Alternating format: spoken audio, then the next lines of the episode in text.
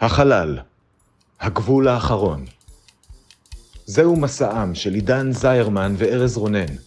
משימתם, לצפות בכל הפרקים של סטארט-טרק לפי סדר כרונולוגי, לדבר עליהם ולצעוד בעוז למקום בו אף אדם לא צעד מעולם.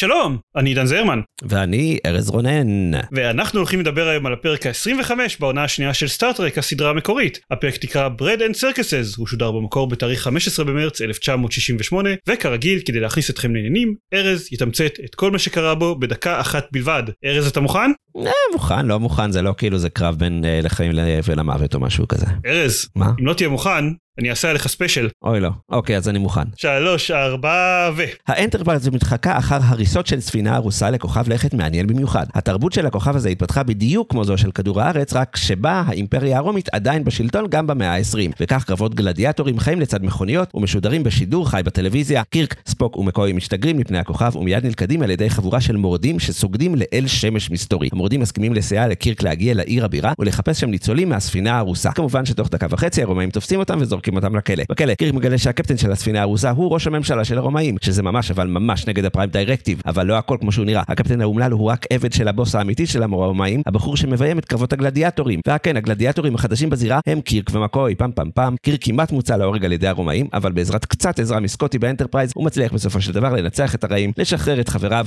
ולהשתגר בחזרה לאנטרפרייז. סוף טוב, הכל טוב. וכן, הסוגדים האלה לשמש, אז זו לא השמש, זה Son, as in Son of God, ישו, קירק בעצם חזה בתחילת הפצת הנצרות, ועל זה יש רק דבר אחד להגיד, הללויה. טוב, וואו, זה היה דחוס. כן, זה היה פרק, אה, זה, זה גם בהחלט היה פרק. מאיפה מתחילים? מההתחלה? לא, לא, ההתחלה הייתה משעממת. זה פרק ש... אני רוצה לה- להגיד שהפרק מתחיל בלהחזיר עטרה ליושנה.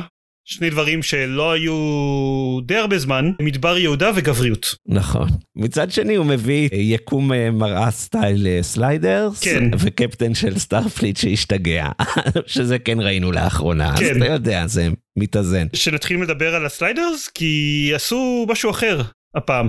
כן, קצת. כן, אז זה היה Sliders אה, שכאמור התרחש במעין, כאילו בזמן אה, שהסדרה שודרה פחות או יותר מבחינת הטכנולוגיה, אבל שכאילו התרבות של אה, האימפריה הרומית אף פעם לא נפלה. אז זה התרבות השולטת, שזה בגדול פחות או יותר אומר שיש עבדים שמקבלים פנסיה. מסתבר, אחרי שהם פורשים, ויש גם את המשחקי גלדיאטורים האלה. וזהו, בערך. כאילו, והם גם מתלבשים קצת מוזר. אבל כאילו, זהו, זה, זה מה שראינו. זה כן. כאילו היה רמת ה... הרמה הכללית של פיתוח הרעיון הזה. זהו, עכשיו הם ניסו, להגנתם, ואני אומר, משתמש במובן מאוד רופף של המילה, ניסו משהו שלא עשו בפרקי Sliders אחרים, ניסו לתת איזושהי הצדקה ללמה זה ככה, איך זה יכול להיות שיש פלנטה שמדברים בה אנגלית ויש בה טכנולוגיה כמו של המאה ה-20 בכדור הארץ והם כל כך כל כך דומים לנו? וההצדקה הזאתי הייתה חוק אודג'קינס להתפתחות פלנטרית מקבילה משהו כזה אה, שאני מניח לא באמת אומרים לנו אותו אבל אני מניח שאומר אה, את הסיכוי שבתרבויות אחרות חייזריות תתפתח תרבות בדיוק כמו כדור הארץ ואז אומרים את זה כאילו זה אמור להסביר משהו. אה, נשמע לי זה הסביר טוב. אני אמרתי וואלה, זה הבין עניין. כולם צחקו עליו שם באקדמיה, אבל הנה, במציאות, צדק. כן הבעיה שלי עם זה זה שאוקיי בעוד שזה כזה או משהו לנפנוף ידיים כזה בשביל הנה תראו זה ההסבר שלנו לפרק Sliders זה עדיין מאוד מאוד לא, לא, לא סתם לא סביר זה לא כאילו למה אתם עושים את זה בכלל? לכאורה להראות איך התרבות הרומאית אה, התפתחה במאה ה-20 אבל זאת הרי לא באמת התרבות הרומאית. זה לא מזכיר את התרבות הרומאית בשבילו זה לא מזכיר את איך שהתרבות הרומאית באמת הייתה נראית אחרי אלפיים שנה של התפתחות. כאילו כן בסדר אחרי אלפיים שנה אתם עדיין משתמשים בשם תואר Praetorians. אותם אתה יודע אנשים עמדו בראש בריטניה במשך איזה 300 ומשהו שנה ואיכשהו הם עדיין לא מתנהגים באותה צורה כמו שהם התנהגו במאה ה-17 לא יודע זה, זה לא זה לא כל כך עובד זה רק כאילו זה עדיין מרגיש כמו תירוץ בשביל אה, שהם יוכלו להפיק פרק של טוב בואו נבדוק את הארגזים האלה ונראה איזה תחפושת יש בהם כדי לחסוך עלויות הפקה. נכון, אבל אבל ברגע שהם אמרו את הקטע הזה עם ההודג'קינס וחוק היקומים שלו,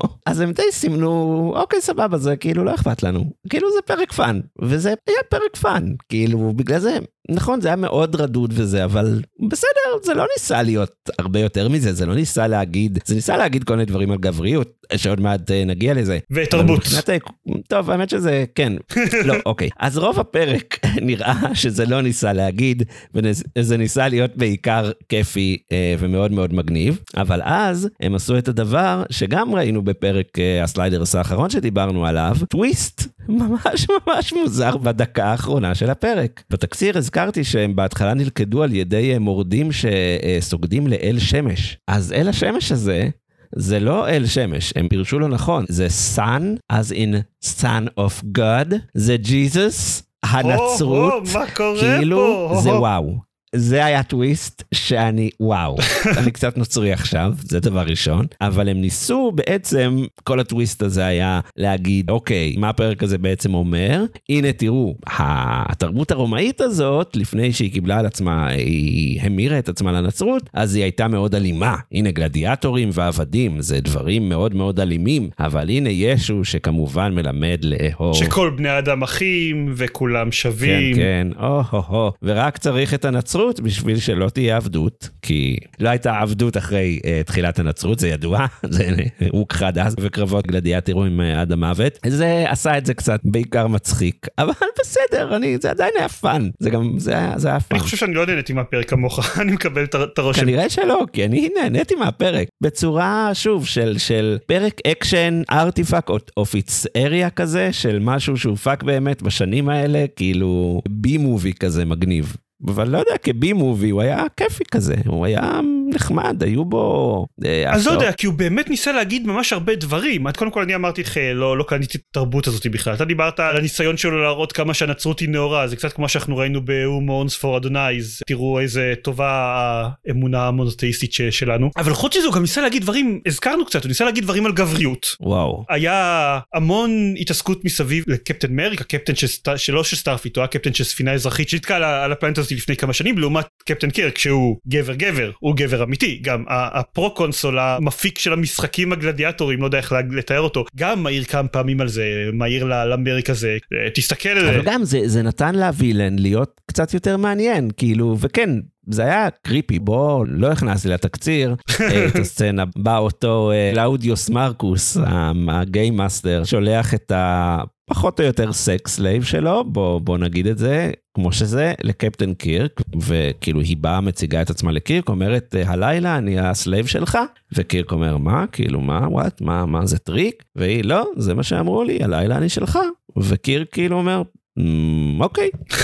ואז יש fade out כזה, תשלימו מה קרה אז. ואז בסוף, בסצנת העימות האחרון, אז הוא שואל את הקלאודיוס הזה מה הוא עשה. אז קלאודיוס אומר, אני זיהיתי עליך שאתה גבר. עוד מעט ננסה להבין גם מה ההבדל בין גבר ללא גבר לפי זה, כן? אבל אתה גבר, ולכן, בגלל שאני עכשיו מתכוון להוציא אותך להורג, סידרתי לך לילה אחרון כגבר. וזה היה קצת מביך, אבל בסדר, כאילו, אם זה לא היה כזה סליזי, זה היה קצת מרגש.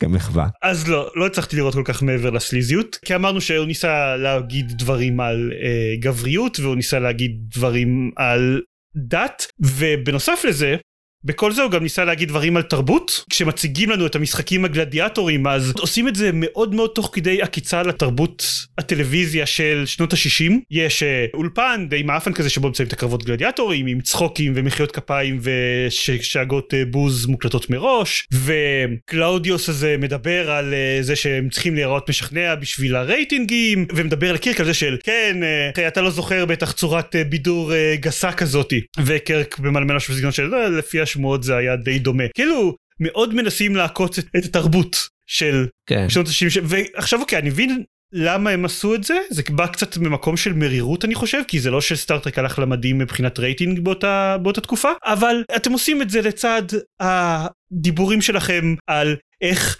הנצרות גורמת לעולם להיות טוב ומוצלח ונאור יותר. מצד אחד אתם אומרים את זה על הנצרות מצד שני העולם שלנו שהוא כן נצרות צנטרי אז אתם אומרים כמה הוא מעפן מהבחינה הזאת מבחינת הבידור הזול שלו ואתם עושים את זה תוך כדי להשתמש באותם אמצעים זולים כמו מה שאמרת בסופו של דבר ריגושים זולים של שפחה שמקדישה את עצמה לקפטן קרק. זה, זה גורם ל vibe של הפרק מאוד לא לעבוד מבחינתי. אם הוא ניסה להיות פרק קליל ומטופש אז הוא היה צריך להוריד איזה ארבע שכבות תופעות של אה, ביקורת או ניסיונות לביקורת שהיו לו, ואם הוא ניסה כן להיות עם איזושהי ביקורת או עוקצנות, אז הוא היה צריך להיות טיפה יותר מודע לעצמו. זאת בסופו של דבר הבעיה שלי עם הפרק. אני איכשהו ראיתי אותו והייתי בטוח שהוא נורא קליל ומודע לעצמו, ובגלל זה כנראה נהניתי יותר ממך. אוקיי. כאילו, אני באמת, מההתחלה, זה היה לי כל כך מספיק מטומטם בשביל להגיד, אוקיי, זה הולך להיות פרק מטומטם, ו-let's enjoy the show, וזה היה לי נחמד, גם זה הקטע הזה עם ה sex slave היה sleazy וזה, וכן, אבל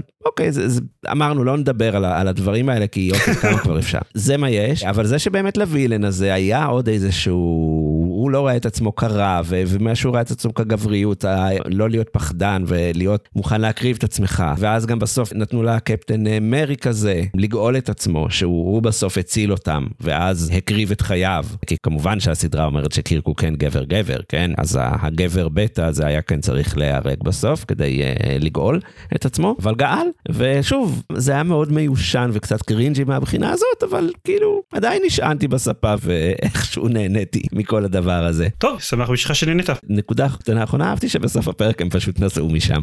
כן. כאילו, פשוט השתגרו ונסעו, ככה זה נגמר. כן, זה היה נחמד טוב, אנחנו לא יכולים לעשות שום דבר לטובת הכוכב הזה של עופר את הפריים דירקטיב, ביי. יפ. כן. טוב, אז בואו נעבור לפינות. קודם כל, בפינת הטריוויה אני יחסית אקצר, ואגיד שהמערות שבהם המורדים, uh, Children of the Sun, Sun, איך שעוד תקרא להם, uh, המערות שבהם מתחבאים זה אתר טלוויזיוני שהשימוש בו אפילו יותר נפוץ מסילי וסקז. Nice. זה מערות שהיו ממוקמות מתחת לשלט uh, הוליווד המפורסם, וצילמו שם די הרבה דברים, אז זה זה. חוץ מזה, על הפרק הזה חתומים גם ג'ין רודנברי וגם ג'ין קון. יאללה. העובדה זה שהפרקים... כמו האיחוד של הביטלס, כאילו, מה זה? פשוט זה פרק שצולם הרבה יותר מוקדם העובדה שהפרקים לא משודרים בסדר שבו הם צולמו גורמת לזה שעדיין ג'ין קון מבליח לפעמים. אה, אני די בטוח שזה הפרק האחרון שהוא כתוב שיש לו עליו קרדיט. יש עוד שני פרקים בעונה שלוש שיש לו קרדיט עליהם אבל הוא לא מופיע בשם שלו הוא מופיע ב pseudonym.